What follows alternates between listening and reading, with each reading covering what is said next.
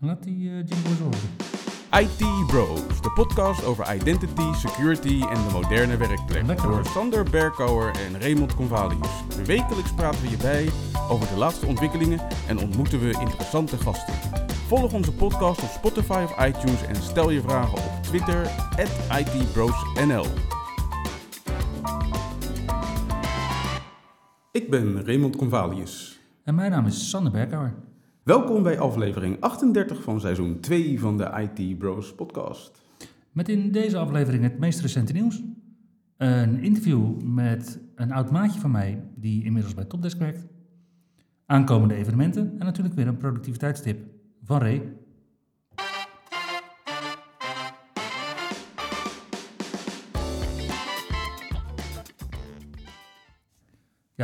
De grap was eigenlijk dat je het eerste deel van het nieuws altijd kon overslaan als je geen Windows 11 nieuws wilde horen. Maar ja, volgens mij kan je dan nu deze week het hele stuk overslaan. Bijna wel, ja. Het was eh, deze week de week van 20 september. En 20 september was het tijd voor de release van de Windows 11 2022 update. Zoals marketing hem dan uiteindelijk genoemd heeft. En zaten we er toch dichtbij. We hebben het een tijd lang over Windows 11 22H2 gehad.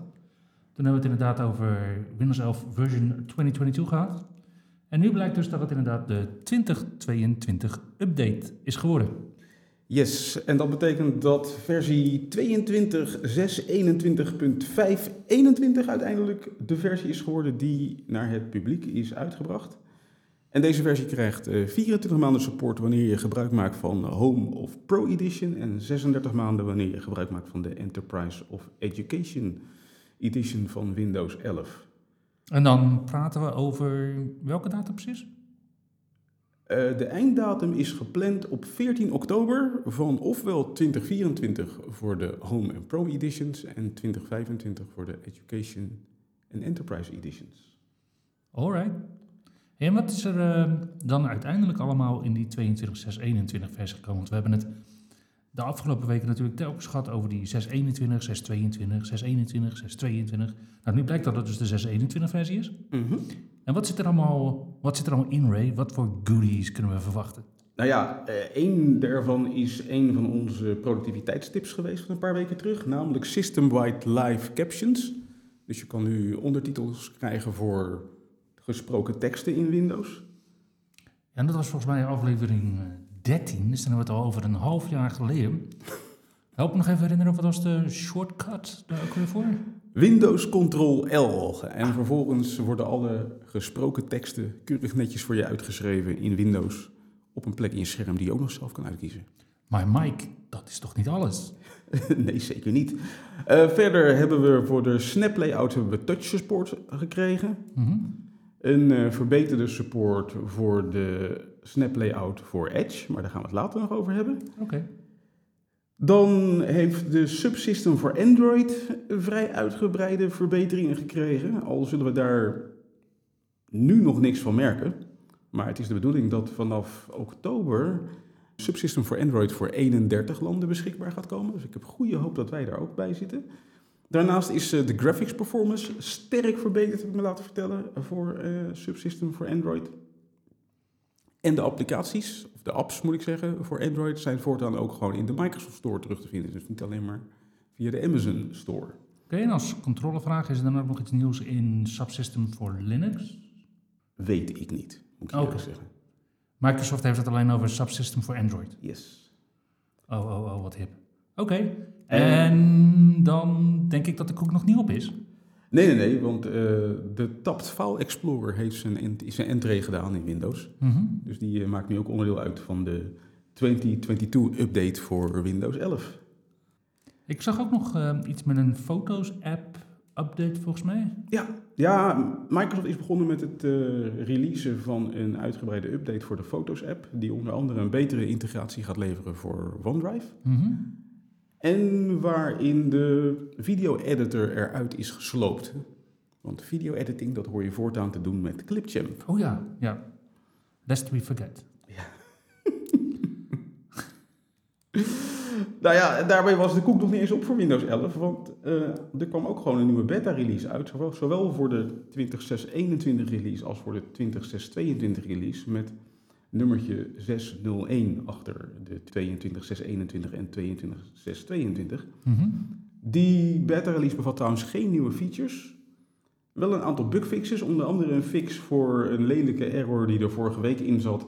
Waarbij als je het netwerk-icon ging gebruiken op de lockscreen, dat het lockscreen crashte. Ja, jij noemt hem lelijk. Ik vond hem eh, eigenlijk wel een aantal keer handig deze week. nee, sorry, ik eh, kan niet verder werken aan dit document. Ja, en een andere bugfix vind ik al een beetje, ja, een beetje cynisch bijna. In Chili zat er een wintertijdfout in eh, Windows 11. Namelijk, ze hadden daar de wintertijd ingangsdatum gewijzigd van 4 september naar 11 september. En in de release van 21 september hebben ze hem gefixt. Ja, je, zag, je zag dat in het verleden ook wel eens. ja, het blijft lastig. Ja, We zouden dat eigenlijk moeten standaardiseren, denk ik, wereldwijd. Maar ja, laten we eerst maar eens overeenstemming krijgen over wat andere grote Ja, zaken doen. en, en de laatste bugfix, die, die- ja, ik, ik vraag me nog steeds af wie hem ontdekt heeft dat die bug erin zat. Maar blijkbaar zat er een bug in Dual SIM Calling in Windows 11. En die hebben ze gefixt. Voor als jij je Surface laptop aan je oor gebruikt. Bijvoorbeeld, ja, inderdaad. Nou, Oké. En dan was er ook nog een nieuwe release in de dev channel, namelijk build nummer 25602. Mhm. En die is zowel voor de client als voor de server uitgekomen. Dus dat is eigenlijk Windows vNext, zoals wij hem noemen. Ja, en Windows Server vNext. Ja, Windows Server vNext. En daar hebben ze onder andere de SMB Authentication Rate Limiter in aangezet. En ik kan me voorstellen dat je dan zegt van, huh, wat is dat? Hey Ray, Mhm. hmm, wat is dat? Nou, als je niks doet, dan kan je bij wijze van spreken 300 login pogingen doen met NTLM op een fileshare op een eh, willekeurige machine. Op een beetje een redelijke machine, ja. Nou, dat betekent dus dat je een redelijk succesvolle password spray attack doet eigenlijk. En eh, om dat te voorkomen hebben ze nu een 2 seconden delay ingevoerd tussen iedere inlogpoging met NTLM. Oké. Nou, dan kom je dus toch maar tot een heel beperkt aantal inlogpogingen per uur. Waardoor het gewoon een stuk lastiger wordt om zo'n aanval in te zetten op een willekeurige werkplek. Ja. Al moet ik erbij zeggen dat je normaal gesproken SMB wel dichtzet op een werkplek om van buitenaf toegankelijk zijn. te zijn. En we ook inderdaad steeds meer NTLM overal dichtzetten. Precies. Nou, in ieder geval die eh, SMB Authentication Rate Limiter die wordt nu default aangezet op de clients. Mhm. De servers nog niet. Kan je wel voor kiezen. En daarnaast zit er een, eh, ja, de updated eh, OpenWidth dialog zit in deze versie van Windows. En als je gebruik maakt van een externe monitor die beschikt over dynamic refresh rate, Hip hoor. dan zit daar nu ook support voor in Windows 11. Althans, Windows vNext moet ik zeggen. En als laatste, en dat is er misschien eentje die voor heel veel mensen toch wel als welkom wordt ervaren, althans in ieder geval door mij wel, is dat als je gebruik maakt van de clipboard history, dan heb je waarschijnlijk wel gemerkt dat de clipboard history het niet zo geweldig doet wanneer je password fields wil invullen. Nee. Nou, dat gaan ze fixen in deze versie van Windows 11. Oké. En doen ze dat gelijk voor iedereen? Eh, nee, helaas. Dus geleidelijk eh, gaat er password support komen voor de clipboard history feature. Microsoft gaat gewoon weer als vanouds weer A-B testen met deze feature. Inderdaad. Zucht. Nou, het volgende nieuws is misschien eigenlijk iets meer voor de evenementensectie, maar ik zal hem toch nu alvast noemen. Namelijk op 12 oktober om 4 uur 's middags onze tijd is er een hardware-event aangekondigd door Microsoft. Dat is eh, Mhm. tijdens de Ignite Week. Ja. Dan zitten wij in Seattle. Wie weet. In ieder geval, op dat event wordt verwacht dat Microsoft met de tiende verjaardag van de Surface-lijn een aantal eh, nieuwe apparaten gaat aankondigen. Waaronder waarschijnlijk een nieuwe Surface Pro, die dan waarschijnlijk de Surface Pro 9 gaat heten. Ja, of zoals ze hier in Duitsland zeggen, Service Pro 9. Ja. Dus ik Met- denk dat dat wel de Windows Pro 10 zou kunnen worden. Wie weet. En die Surface Pro 9 of 10, geen idee hoe die gaat heten. Die gaat onder andere de ARM-processorlijn gewoon geïntegreerd krijgen. Dus waarschijnlijk is dat het einde van de Surface Pro X. Surface Pro 10, hoe heet dat ding? Goh, nu kom je toch ineens tot dezelfde conclusie als ik kwam. We'll see. En dan eh, wordt er ook een opvolger verwacht voor de Service Laptop, die momenteel de Service Laptop 4 is. En waarvan het gerucht gaat dat die ofwel de Service Laptop 4 Plus gaat heten, of Mhm. de Service Laptop 5. En in de update die er aankomt, wordt verwacht dat er geen nieuwe AMD-versie van de Service Laptop aan zit te komen. Dus alleen nog Intel. Inderdaad. Oké, en dan waarschijnlijk twaalfde generatie gelijk. Dat is wel de verwachting. Ja, daar hadden wij het van de week ook nog over. Dat is echt een snelle processor, zei jij. Zeker op de desktop. Van de laptops heb ik er nog niet zo heel veel van gezien, maar de desktop is het echt een hele fijne, hele snelle processor. Oké. En die hele snelle processor die wordt ook verwacht in de volgende generatie van de Surface Studio, namelijk de Surface Studio 3 desktop. Oké. Want ja, die Surface Studio 2 die werd nog geleverd met de zevende generatie Intel processoren. Dus die was al ja, maar redelijk sterk verouderd. Mhm. En daar komt dus nu de nieuwe versie van. En verder wordt er nog wat eh, ja, zeg maar, eh, hardware on the site verwacht in de vorm van eh, nieuwe Surface earbuds. En waarschijnlijk eindelijk de release van de Windows on ARM DevKit. Ook wel bekend als Project Volterra. Gaaf. Dus nieuwe software en nieuwe hardware als aankondigingen. Wauw, je zou bijna denken dat het feest is deze maand. Mhm. Vooral als je OneNote gebruikt, trouwens. Want naast al die Windows goodness komt nu ook eindelijk, eindelijk, eindelijk de Unified OneNote app eraan. Zo, dat heeft lang geduurd. Ja, er is een uitnodiging gestuurd naar de mensen die OneNote voor Windows 10 gebruiken. En die krijgen soon de OneNote app automatisch geüpdate. Nou, wat vind je dan in die Unified OneNote app? Volgens Microsoft komen daar dan key existing features currently unique to OneNote for Windows 10. Ja, het is namelijk zo dat eh, OneNote kent op dit moment twee versies. Namelijk je hebt OneNote voor Windows 10 Mhm. en je hebt de OneNote app. Ja. En die OneNote voor Windows 10, dat is zeg maar de full feature versie. En die OneNote app, die was ooit bedoeld volgens mij als opvolger, maar die heeft nooit alle features gekregen. Dat is een soort eh, Spartan. Ja, precies. En wat er dus nu gebeurt is dat er komt een nieuwe versie aan, de Unified OneNote app. Ja, En die gaat dus automatisch de OneNote app updaten. En als je OneNote voor Windows 10 gebruikt, dan mag je besluiten om daar nog even op te blijven, omdat die nieuwe Unified OneNote app gaat niet alle functionaliteit bevatten die, die de oude OneNote voor Windows 10 heeft. En wat Microsoft zegt, eigenlijk zeggen ze van nou, we gaan alle key features die in OneNote voor Windows 10 zitten, dus waarvan zij weten dat het de meest gebruikte features zijn, Mhm. die gaan ze implementeren in de Unified OneNote app. En de rest komt misschien later. En er komen wel een paar nieuwe features en die zijn vooral gericht op AI capabilities voor eh, inking en drawing. Dus dat je tekeningen wat makkelijker worden herkend en dan door de AI engine worden verbeterd. gaaf. Als je trouwens nog gebruik maakt van OneNote voor Windows 10 en je gaat niet om die uitnodiging, dan zegt Microsoft dat is prima. Maar je hebt de tijd tot oktober 2025. En dan trekken ze definitief de support uit OneNote voor Windows 10. En dat is dus dezelfde datum als voor Windows 11 2022 update. Mhm. Hmm, toeval bestaat niet. Of wel? Misschien wel.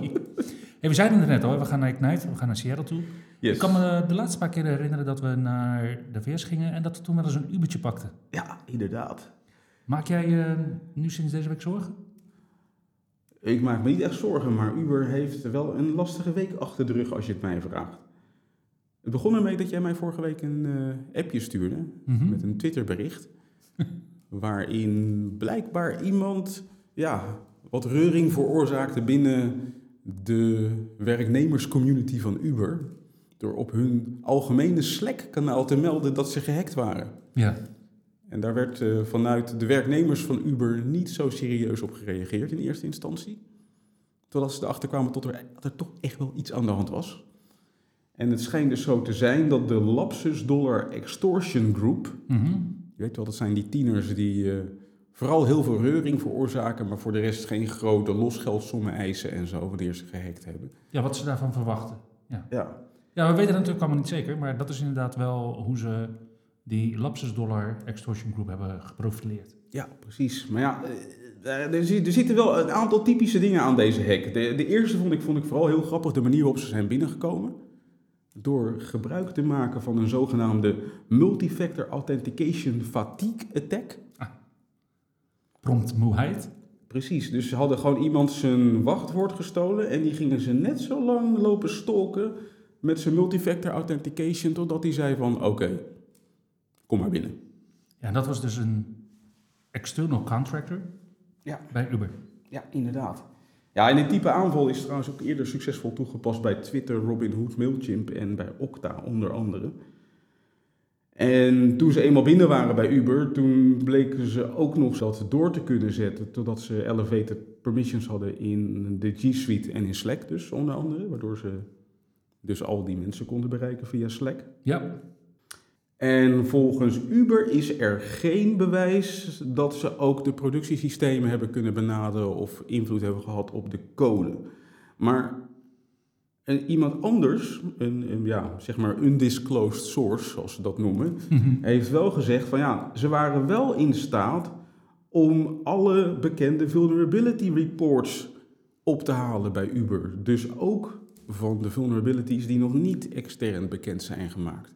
Ja. En het vermoeden bestaat dat ze deze wellicht gaan verkopen op het darknet. Ja, en mocht je je afvragen wat daar dan de impact van zou kunnen zijn. Nou ja, een van de dingen die je leert is dat een aanvaller geen boodschap heeft aan dit is niet de scope voor jouw pentest. Of dit uh, hebben we al in ons Information Security Management System opgezet. Of dit risico accepteren we. Inderdaad. Nou ja, goed, dat risico uh, denk ik dat we nog even te accepteren hebben. En ik denk dat Uber hier voorlopig nog wel even bovenop zit. Want dus, ja, ja, met al die vulnerabilities die dus nu gewoon uh, in de wild zijn en die potentiële zero days zijn, mm denk ik dat uh, ja, een paar mensen toch wel slapeloze nachten hebben. En ik trouwens, het viel me ook op, volgens mij had Uber de afgelopen week opeens heel veel vacatures voor security specialisten. Ja, ze maken er letterlijk werk van. Inderdaad. Wie er ook werk van hebben gemaakt, dat zijn uh, Bitdefender en de groep No More Ransomware Initiative. Namelijk, die hebben een decryptor ontwikkeld voor uh, de Locker Goga ransomware. Ja. En deze ransomware die is ontwikkeld door een groep mensen waarvan in oktober 2021 12 verdachten zijn gearresteerd. En met ja, de informatie die daarbij is verzameld, zijn ze in staat geweest om een decryptor te ontwikkelen voor de Locker Goga ransomware. Nu bleken dat diezelfde twaalf verdachten waarschijnlijk ook achter de Mega Cortex ransomware hebben gezeten. Dus we kunnen waarschijnlijk binnenkort ook decryptors daarvan verwachten. Ja, en die decryptors die zijn er dan dus voor de 165 ransomware varianten. En je kunt ze gewoon gratis downloaden bij Bitdefender en bij No More Ransom.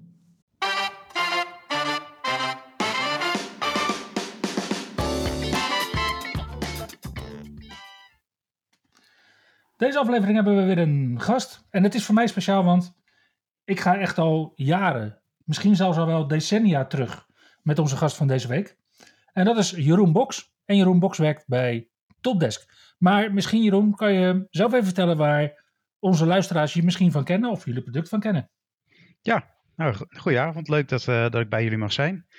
Ehm, ik werk inderdaad nu 23 jaar uh, voor Topdesk. En daarvoor zijn wij inderdaad elkaar tegengekomen in het werkveld. daar begint onze historie, dus letterlijk inderdaad decennia. ik ben bij, uh, bij Topdesk uh, ben ik head of product geworden. Na een hele omzwerving van systeembeheerder naar consultant. En uiteindelijk product manager geworden. En nu ben ik head of product. Dus ik ben met onze product managers aan het bedenken waar ons product heen moet gaan. Om onze klanten zo goed mogelijk te bedienen. En nou was ik een aantal weken geleden bij een aantal klanten om ze te helpen met iets wat onze luisteraars inmiddels kennen als Legacy Authentication. Hoewel ik weet dat Raymond het anders uitspreekt. En toen kwam ik een aantal hippe app registrations tegen met de naam Topdesk erin. En toen dacht ik van, hey, volgens mij heeft mijn Mattie Jeroen hier gewoon iets heel tofs bedacht, samen met zijn product managers. Dat is uh, zeker inderdaad zo, dat klopt. Ja, uh, Topdesk, uh, even voor de, degenen die het niet kennen, is een, is een service management oplossing. Dus die wordt op heel veel helpdesken wordt die gebruikt. in Nederland Ehm, durf ik bijna met zekerheid te zeggen dat iedereen wel in een topdesk ergens geregistreerd staat. Ehm, en we gaan dus erg ver terug, want het product bestaat al bijna 30 jaar. En ja, we gaan dus een tijd terug. Dus vandaar dat je inderdaad nog e-mailkoppelingen via IMAP en POP, dat, dat, hebben wij in het verleden gebruikt.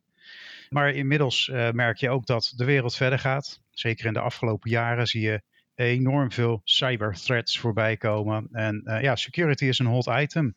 Uh, dat merk je onder andere ook dat, dat partijen als Microsoft en Google en dergelijke zijn daarin met hun tijd aan het meegaan. En die zijn inderdaad van een aantal oude protocollen die ooit prima waren, maar inmiddels ja, niet meer afdoende, dat ze die aan het uitfaseren zijn. En dat, dat merkten we op. En dat, uh, er waren een aantal klanten die zeiden van... hé, hey, maar we hebben ergens een, uh, een deadline gehoord over Microsoft. We weten een beetje wat het inhoudt, maar zijn jullie daarvan op de hoogte? En ja, dan, uh, dan gaan onze security mensen natuurlijk aan de gang. Die gaan zoeken en die willen weten waar dat vandaan komt. En wij kwamen er op tijd achter dat uh, Microsoft inderdaad aan het, uh, aan het verschuiven was uh, van IMAP en POP naar iets wat Microsoft Graph heette. Nou, daar zijn ze ingedoken, gekeken wat het dan inhoudt. En ehm, ja, we kwamen vrij snel tot de conclusie dat het een hele logische stap was om die toe te voegen in verschillende vormen. En dat, uh, dat is wat je nu inderdaad in de, in de interface van Topdesk kan terugvinden. En daardoor ook in de app registrations aan de andere kant. Ja. Klinkt alsof je daarmee uh, op tijd een, een zet zet met je product. Want volgens mij hebben we nu nog een maand. Hooguit? Ja, minder nee, nog. Nee, nee, we hebben een week. ja, ja, ja. Dus ja, je kan het is niet helemaal waar. Want Microsoft heeft dat vorige week nog gecommuniceerd. Dat ze het vanaf 1 oktober gaan ze het aanzetten. Kan natuurlijk op uh, miljoenen tenants niet in één dag uh, gelijk uh, gebeuren. Misschien mm-hmm. wel helaas. Maar dat er ook nog in het Microsoft 365 beheer portaal de mogelijkheid is om het eenmalig nog aan te zetten tot en met december 2022. Dus zelfs als je nu nog net niet op tijd bent, dan kun je alsnog nog heel eventjes wat respect krijgen er is een fallback, maar ik denk dat jullie het ermee eens zijn dat we die fallback zo min mogelijk moeten gaan inzetten. Want er is een reden waarom we deze verandering aan het, uh, aan het maken zijn natuurlijk in de wereld. Ja, Microsoft heeft hem drie jaar geleden zo'n beetje aangekondigd. En die deadline heeft al een aantal keer verschoven. Mm-hmm. Maar nu gaat het, uh, gaat het echt gebeuren. Ja, en ja. Als, je, ja, als je daar niet op tijd bent, dan ja, word je eigenlijk een beetje als beheerder met je broek op de knieën op de wc... Uh, in de dat kraag klopt, ja. uh, gevat. Ja. ja, want Exchange Active Sync werkt ineens niet. Weet je wel, uh, allemaal mensen die allemaal oude clients en oude versies van uh, mobiele besturingssystemen gebruiken, die ineens stoppen met werken. Ja. Nee, dat klopt. En gelukkig hebben wij wakkere klanten. En uh, uh, we hebben gelukkig ook uh, onder onze klanten security-minded mensen. die krijg ik regelmatig ook aan tafel. Want die, die zijn bij hun leveranciers ook aan het kijken wat voor vlees ze in de kuip hebben. Dus die gaan dan doorvragen van hoe kijken jullie naar de markt? Wat gebeurt er allemaal? Hoe gaan jullie daarop inspelen?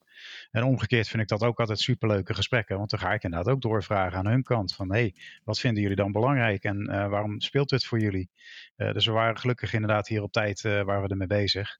En ja, de, beweging is heel logisch. En we hebben daardoor ook gekeken of hoe kunnen we dat inderdaad nog één stapje verder doen. Uh, door bijvoorbeeld met client certificates uh, ook te ondersteunen. Uh, in aanvulling op, op client secrets. Um, ja, en daarmee laat je toch even zien dat je snapt wat er in de wereld speelt. En dat je dan gewoon met dat soort sentimenten ook goed kan meegaan. En kreeg je nou nog pushback van klanten die zeiden van dat willen we niet? Of was iedereen wel gelijk in een positieve mood toen je dit aankondigde? Nou, we, we, hebben niet hard ingezet op het uitfaseren uh, van de oude protocollen aan onze kant. Dat gaat nu wel langzamerhand gebeuren. Uh, dus we maken het uh, deprecated. Dus dan krijgen mensen te zien van hé, hey, dit gaat op een gegeven moment verdwijnen. Je moet er iets mee. Mm-hmm. Maar wij laten ons lekker even leiden door de grote techreuzen. Dan mogen die het voorbeeld geven. Mogen die het, het pad vereffenen. En dan kunnen wij er lekker in meegaan. dus wij zijn wel heel erg van de security by default. Dus we proberen het inderdaad op zo'n manier uit te leveren dat je het veiligste en het, het meest recente, uh, het makkelijkste voorgeschoteld krijgt. We gaan wel nog even een tijdje mee dat voor degenen die toch nog iets achterlopen, bijvoorbeeld met on-premise installaties van, uh, van Exchange, dat die toch nog even uit de voeten kunnen. Of andere producten eromheen natuurlijk. Uh, want behalve de techreuzen zijn er natuurlijk nog een aantal andere leveranciers in het veld waar we ook wel koppelingen mee maken. Ja, en uh, ja, nog een, een, bijkomende extra is dat Microsoft Graph natuurlijk ook veel uitgebreider nog is dan, uh, dan wat IMAP en POP überhaupt konden in het verleden. Mm -hmm. En ja, dat biedt ook hele leuke mogelijkheden nu. Daar hebben we nog niet actief gebruik van gemaakt, maar ik kan je verklappen dat daar op de roadmap nu wel wat dingen aan het verschijnen zijn die daardoor wel een stuk makkelijker zijn geworden. We ondersteunen uh, de, het soort verbinding al en ja, dan zie je in één keer waar Microsoft heen aan het gaan is. Met ook het ontsluiten van andere relevante informatie, je beschikbaarheid, uh, uh, live je mailbox kunnen uitlezen. Hoe zit het eigenlijk van jou? Waar zit je in de organisatie? Je groepslidmaatschappen. Ja, de opties uh, om dingen nog slimmer te maken, die zijn natuurlijk in één keer enorm. Op die manier maak je inderdaad een hoop fantasieën los bij productmanagers en ontwikkelaars. Zeker, zeker. Dus ja, dat, dat zie je nu nog niet, maar dat zit zeker ergens in het, in het vat. Het mooie van de Graph API is natuurlijk ook dat we daar met permissies hele leuke dingen kunnen doen. Dus een van de permissies die jullie app registration heeft, is om mail uit te lezen. Mm -hmm. En op die manier zijn ding te doen. Dan zie je ook als je dingen gaat doen met bijvoorbeeld groepenlidmaatschappen, dan zul je als je al een app registration hebt, dat natuurlijk ook weer opnieuw open moeten zetten. Ja. Dus ik denk dat, dat dat deel van de documentatie van Topdesk uh, nog wel fors kan gaan groeien. Ja, ja, klopt. Ja, de eerste uitbreiding die er wel al op zichtbaar is, is ook uitgaande mail. Want dat was dan eigenlijk ook logisch om gelijk uh, daarop door te gaan. Dus ja, daar was het, hetzelfde trucje nog een keer. Uh, en daar zie je dat inderdaad ook ontwikkelaars, dat die er ook uh, comfortabeler in worden. Mm. We hebben toevallig een oud bekende van mij ook wat achtergrondinformatie laten geven destijds toen we ermee begonnen. Ja, dan zie je dat ook Microsoft dat wel heel erg aan het pushen is. Met een reden natuurlijk. Dan zie je in één keer wat voor mogelijkheden er zijn. Dus ja, dat, dat is de eerste stap naar, naar meer. Dat smaakt naar meer. De Graph API met Exchange Online kent natuurlijk ook de access policies. Hebben jullie daar ook naar gekeken? Want wat mij wel opviel was dat in de documentatie wordt aangegeven hoe je de Graph API permissies kan geven.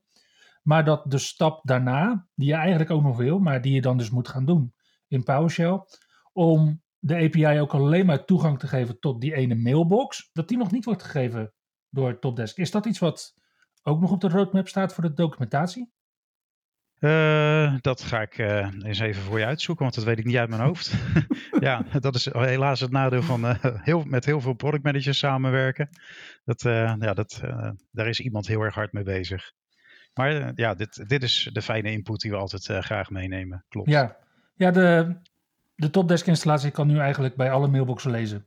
En dat vinden CEO's bijvoorbeeld nooit zo heel erg grappig. Nee, ik weet wel dat er inderdaad mogelijkheden zijn, want dat was ook een van de pushes van een van onze klanten. Uh, mm-hmm. Voorheen hadden we nog één tussenvorm inderdaad, die, uh, die het ook vereiste dat je wel heel veel permissies moest geven om het te laten werken. En natuurlijk, zeker in een grote organisatie, loop je dan tegen alle security policies aan en uh, dan lopen de security mensen, die, die lopen je gelijk plat. Dus mm -hmm. uh, ja, de uitkomst daar was, we gaan het gewoon toptest niet toestaan om, uh, om toegang te geven tot die mailboxen. Dat wil je ook niet. Nee. Dus uh, we weten dat het inderdaad kan. En degene die er inderdaad of erg in thuis zijn aan de, aan de klantkant, die weten dat inderdaad te beperken door deze manier. Maar ja, je betrapt me nu er net even op dat ik niet zeker weet of dat in de documentatie zo genoemd staat. Dus dat is wel een hele goede in de lijn met best practices en security by default. Nou heb ik een, een theorie en dat heet de wet van behoud van legacy authentication. En dat draait eigenlijk om wat ik, wat ik bijvoorbeeld zie bij, bij Android en bij iOS-toestellen, is dat mensen hun toestel uh, eigenlijk gewoon vanaf backup terugzetten. En in die backup staan dan natuurlijk gewoon oude instellingen. Ja. Nou ken ik ook organisaties die al vanaf uh, Topdesk 3 uh, eigenlijk een in-place upgrade doen van Topdesk. Ja. Dus die zouden nu in Topdesk natuurlijk ook nog steeds oude instellingen kunnen gebruiken. Dat klopt. En dat is inderdaad een heel goed punt wat je hebt. En wij voelen daar ook een verantwoordelijkheid als leverancier om daar ook te helpen, om mensen daar doorheen te helpen. Uh, we hebben te maken met heel veel koppelingen, niet alleen met de mail, maar met andere systemen eromheen ook. En uh, wat wij actief doen is ook monitoren wat voor protocollen daar gebruikt worden. En als we daar zien dat mensen inderdaad onveilige protocollen gebruiken, uh, zoals bijvoorbeeld zonder encryptie of, of dat soort dingen, dan benaderen wij die ook actief. Dus in de applicatie uh, proberen we juist al te pushen richting de security as default. Mm-hmm. Uh, maar inderdaad, door legacy zijn die inderdaad wel hier en daar erin geslopen. En die proberen wij dan ook weer actief te benaderen en uh, over te, te halen om die, de veilige manier te kiezen. Ja. LDAP S in plaats van LDAP, dat soort dingen. Ja, ja, ja dat soort dingen inderdaad. Absoluut. Ja, groot gelijk. Ah, er is nog zo, zoveel winst te behalen bij zoveel organisaties met dat soort instellingen. Ja. Klopt, ja. En het wordt ook heel erg gewaardeerd hoor. Als, als je inderdaad dan klanten benadert en zegt van joh, we zijn actief inderdaad aan het kijken waar eh, onze klanten nog eh, volgens ons onveilige manieren gebruiken. eh, dan merk je de waardering ook van hé, hey, jullie zijn er wel actief zelf mee bezig en je komt proactief naar ons toe. Ja. En dat, eh, ja, dat is precies het vertrouwen wat je natuurlijk wil opbouwen. ja, ik vind het ook gaaf dat jullie daar proactief mee bezig zijn. En dat jullie inderdaad de verantwoordelijkheid nemen Ja. hierin. Helder verhaal. Dus eh, dit soort eh, ja, recommended practices worden door jullie echt actief uitgedragen. Ik vind het wel heel mooi om te horen. Eh, zie je niet bij alle leveranciers eh, voorbij Nee. komen. Daar proberen we ook inderdaad wel het voorbeeld in te zijn. nee, vaak word je ook geholpen. Als je een goede relatie met klanten hebt, dan eh, er zitten heel vaak zitten experts aan de andere kant van de tafel.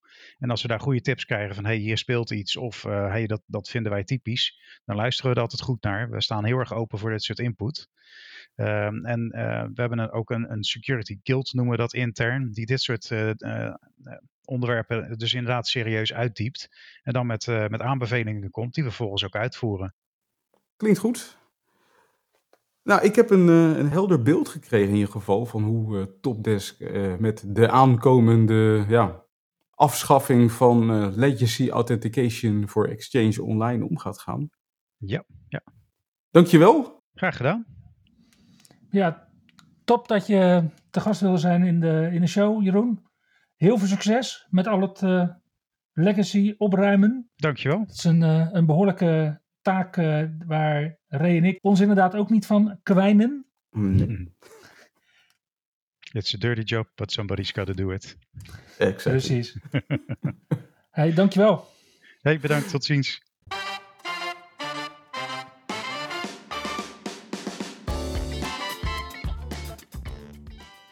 Verantwoordelijkheid nemen voor je eigen ontwikkeling kun je ook met gratis evenementen.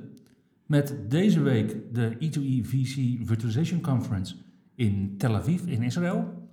Waarbij je door Alex Cooper en Tom Tevreden weer helemaal op weg wordt gebracht rondom virtualisatie. En dan hebben we het natuurlijk niet alleen over servervirtualisatie, maar ook over presentatievirtualisatie bijvoorbeeld. Waar de E2E VC Virtualization Conferences vroeger groot mee zijn geworden.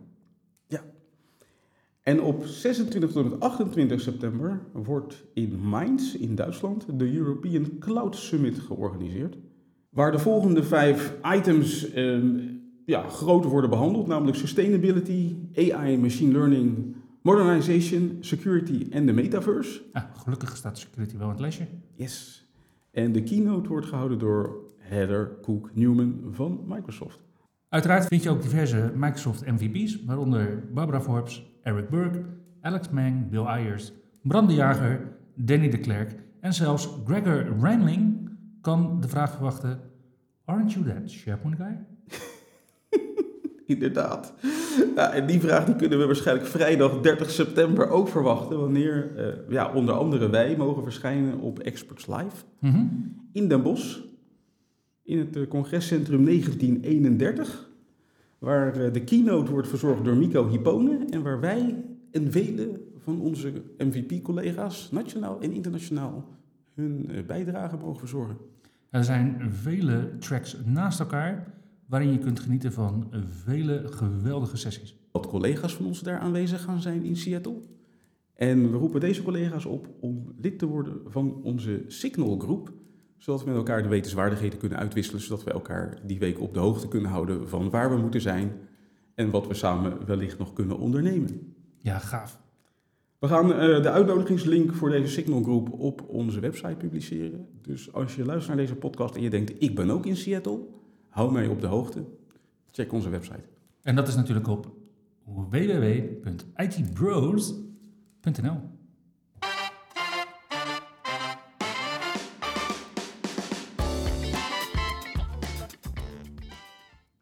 Hey Ray, wat is de productiviteitstip van deze week? Voor deze week wilde ik even teruggrijpen naar de release van Windows 11 2022 update. Mhm. Namelijk een van de nieuwe features die daarin zit is Windows Snap Support voor Edge tabs. Oké, wat was Windows Snap ook alweer? Windows Snap is dat je, zeg maar als je je een venster hebt en je schuift hem naar boven in je scherm, Mhm. Dan kan je voor verschillende schermindelingen kiezen. Dus dan kan je zeggen van doe mij twee vensters op een scherm of drie vensters op een scherm of vier vensters op een scherm in, een bepaalde indeling. En als je dan zeg maar je eerste scherm hebt geplaatst, stel dat je er twee wil plaatsen, dan vraagt hij je van welk venster wil je ernaast hebben.